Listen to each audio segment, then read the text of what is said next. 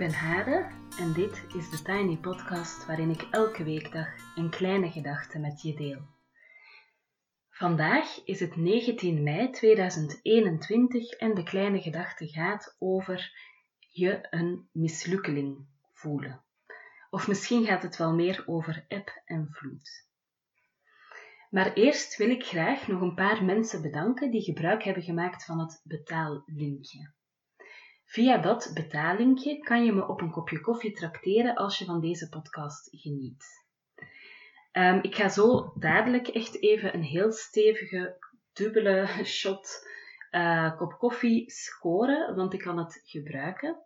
De nachten zijn uh, weer heel moeilijk, uh, omdat onze dochter Janne zich niet zo goed voelt de laatste tijd.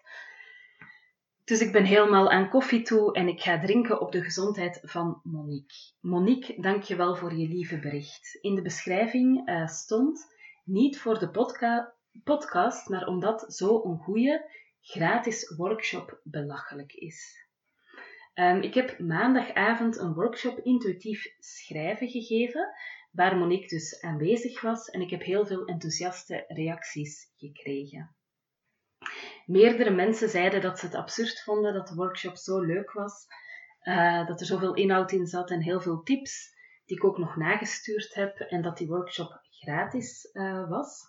En ik apprecieer het ook wel dat mensen dat dan uh, benoemen. ik merk dat ik zelf ook wel aan het nadenken ben hierover.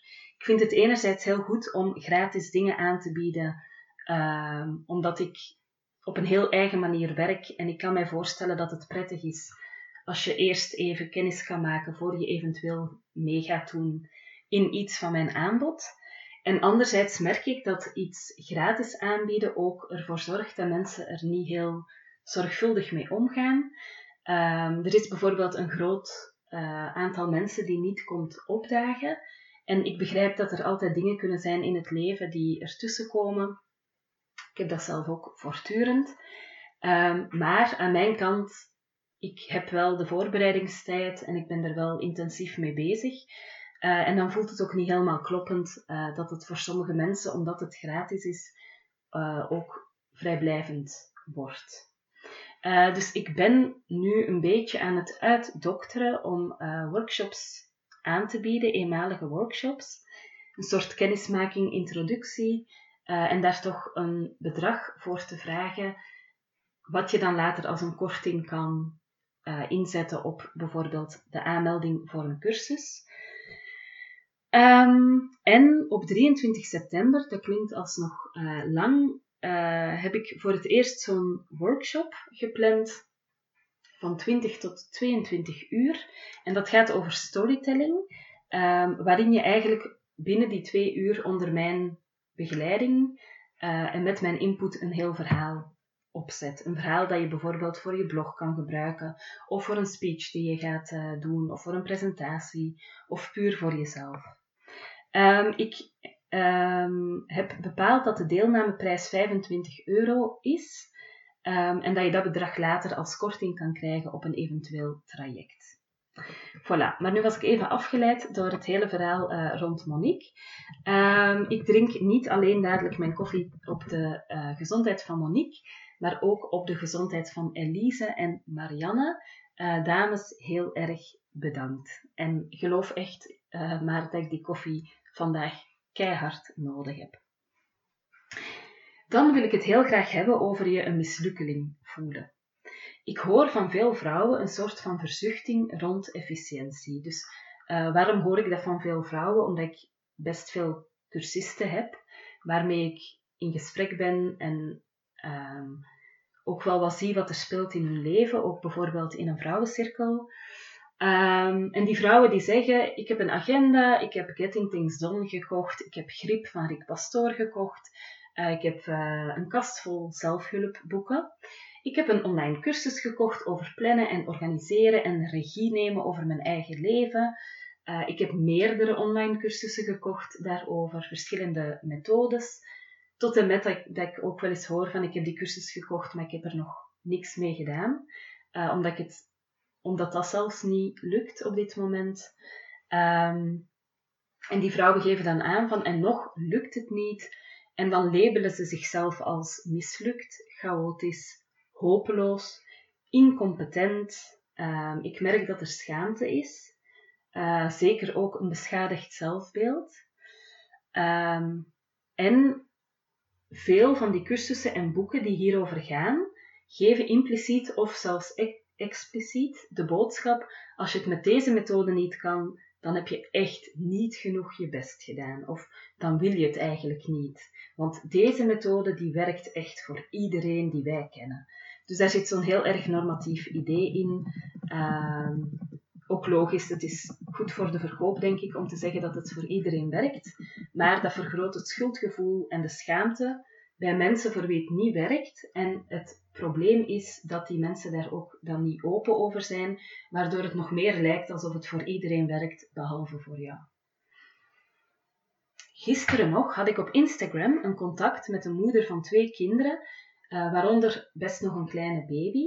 Ze snakte naar structuur en overzicht. Dat herken ik heel erg vanuit de periode dat mijn tweelingbaby's waren. Dat ik toen ook allerlei manieren ging zoeken om ja, ik had dan op een bepaald moment zo'n gewoonte tracker om tenminste op een dag al elke dag een wasje te doen, een maaltijd te eten, uh, iets te stofzuigen. Dus ik had dan zo'n tracker om gewoon al wat basisdingen terug voor mezelf op te starten. Met een tweeling was die situatie natuurlijk ook vrij extreem.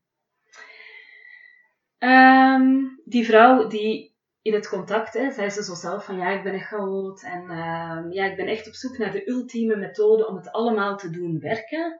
En mijn hart breekt dan echt twee keer. Enerzijds denk ik, jeetje, je houdt alle ballen min of meer in de lucht tijdens een pandemie en je hebt een baby. En anderzijds breekt mijn hart ook omdat ik mezelf daar gewoon heel erg in terugzie. Worstelend, zoekend, telkens nieuwe hoop, want die ene cursus of dat ene boek gaat nu echt het ultieme systeem opleveren en vanaf dan ga ik alles kunnen als ik maar volhoud en doorzet en flink ben en stipt en strikt en regie neem en plan. Um, ik heb mezelf laatst ook betrapt dat ik dus naar de boekenwinkel uh, ging en dat ik dan naar de zelfhulpafdeling ging en dat ik echt op zoek was naar een boek dat mij weer even dat gevoel zou geven van met dit boek gaat alles in orde komen en ga ik plots controle krijgen over alles. Nu, mijn vraag aan jullie is: heb je ooit wel eens een dag gehad die volledig volgens plan verliep? Ik niet, in tegendeel. Plannen en organiseren is zeker een kwaliteit en ik zeg niet dat we dat volledig moeten opgeven, maar meebewegen is dat ook. Ik zie thuis dat Pieter met zijn nood aan duidelijkheid en structuur het vaak veel moeilijker heeft met het drukke gezinsleven in pandemietijd met onregelmatige oppas en altijd wel een soort verrassing, zoals iemand die ziek is, iets dat dringend moet gebeuren, iets dat wegvalt, uh, oppas die wegvalt, uh, kinderdagverblijf dat sluit, al die vrije dagen in mei enzovoort. Ik beweeg zelf iets makkelijker mee en op het einde van de dag is de keuken niet spik en span, in tegendeel. Uh, maar ik ben tenminste niet gillend gek geworden omdat het niet ging zoals ik dacht of hoopte.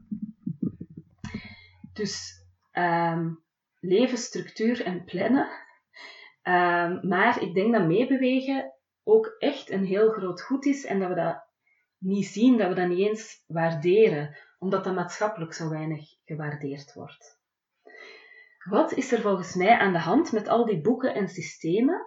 Uh, dat is volgens mij, mijn bescheiden mening, uh, dat die gebaseerd zijn op het mannelijke ideaal. Een man heeft een 24 uurs cyclus en kan in principe elke dag rekenen op een gelijkaardig energiepatroon.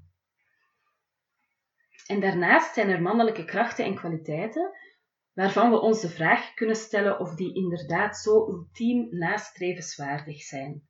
Bijvoorbeeld controle, structuur, snel succes, doorpakken, tempo.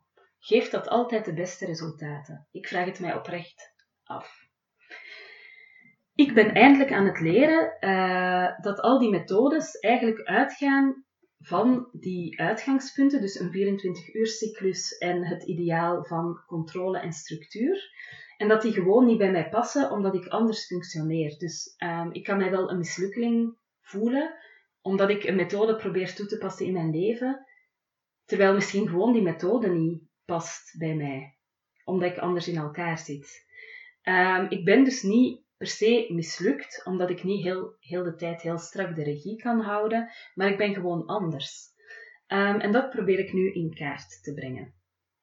Er zijn dagen waarop ik heel outgoing ben en dagen dat ik me meer naar binnen plooi, dat het mij heel veel energie kost om bijvoorbeeld contact te hebben met anderen. Dagen waarop er geen actie genoeg kan zijn en dagen waarop ik echt moet stilvallen en opladen. Dagen waarop ik prikkels wil en dagen waarop ik ze echt niet kan verdragen. Als ik mijn werk een beetje simultaan laat lopen met die golven, met die app, met die vloed, dan gaat het met mij echt een pak beter. En dan zit ik me niet te forceren op iets naar buiten gericht, op een dag dat ik liefst in mijn kokonnetje zit te broeden.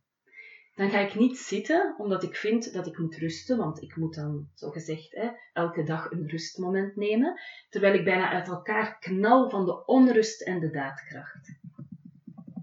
Het vraagt een ultiem fijne afstemming op jezelf en ik ben daar echt nog heel lang niet, maar waar ik alleszins mee gestopt ben, is dat ik mezelf onmogelijke eisen opleg dat ik mezelf chaotisch en hopeloos noem, omdat toevallig al die boeken die in mijn kast staan voor mij niet werken. Ik ben gestopt met mij te schamen. Ik ben gestopt met te verbergen dat ik op een werkdag een uur heb gezeten en naar een podcast heb geluisterd, in plaats van keihard te knallen de hele tijd. We gaan de app en de vloed. Ik woon vlak bij de zee en dan ga je naar de zee en dan zie je zo die golven komen, app en vloed, die beweging die ga je toch ook niet proberen te beheersen of te proberen controleren. Dat is toch een absurd idee om dat te doen. Of proberen verbergen dat die bestaat, dat doe je toch ook niet. Wie nu denkt dat dit een vrijgeleide is om lekker alleen maar je zin te doen en wat mee te bewegen met je humeur van de dag, ik ben honderd keer productiever sinds ik op deze manier kan werken dan toen ik nog moest meedraaien in een mannelijker model. Ik heb het voorbije jaar, ik denk 10 of 12 cursussen gecreëerd. Ik tel dat niet, want dat interesseert mij niet. Ehm, ik ga niet voor kwantiteit. Ik probeer voor afstemming te gaan, voor kwaliteit, voor groei, voor uh, ja, ontwikkelen. Ik heb een dagelijkse podcast gemaakt. Ik denk dat ik het afgelopen jaar wel, ja, toch wel 300 podcasts heb gemaakt. Uh, en ik heb ook wel echt fijn werk voor organisaties gewerkt, uh, gecreëerd. Ik heb studiedagen gegeven aan 100 mensen, aan 80 mensen, aan 15 mensen, waarvoor ik telkens een helemaal op maat gewerkt, uitgewerkt programma klaar had met veel afstemming en creativiteit, uh, wat ik echt naar mijn best vermogen telkens heb proberen uh, doen. Ik heb ook nog artikels geschreven als journaliste. Um, en ik heb vast nog veel andere dingen gedaan, zoals kinderen opvoeden en uh, weet ik veel, de was elke dag bijvoorbeeld. Um, en ook gekookt en ook nog andere dingen.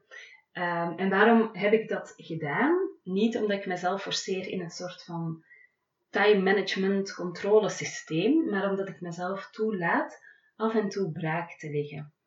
Omdat ik heel goed voel wanneer ik een heel voedzame lunch moet halen en daar dan de tijd voor moet nemen om die alleen en in stilte op te eten aan mijn bureautje omdat ik de dagen dat de energie overliep, daar echt volledig in mee durfde te bewegen, in plaats van dan op de rem te gaan staan, omdat je ook moet rusten.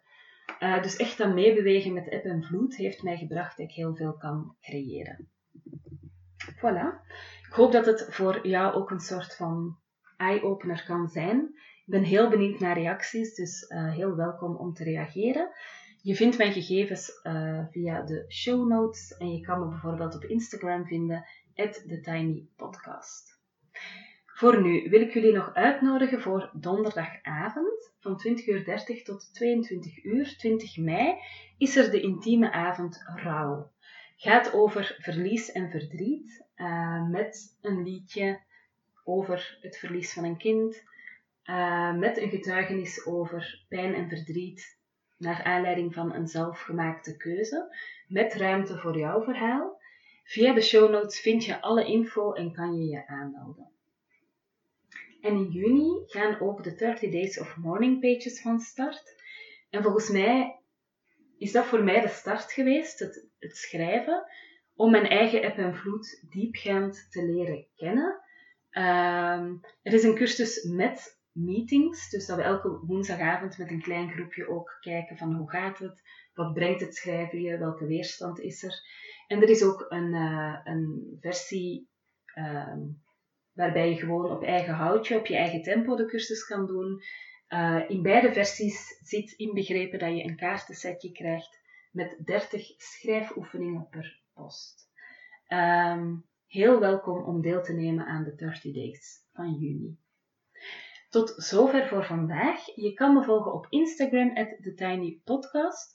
Als je je abonneert via bijvoorbeeld Google of Apple Podcast, in Spotify of in je favoriete podcast-app, dan krijg je telkens de nieuwste aflevering in je overzicht en dat is dus elke weekdag.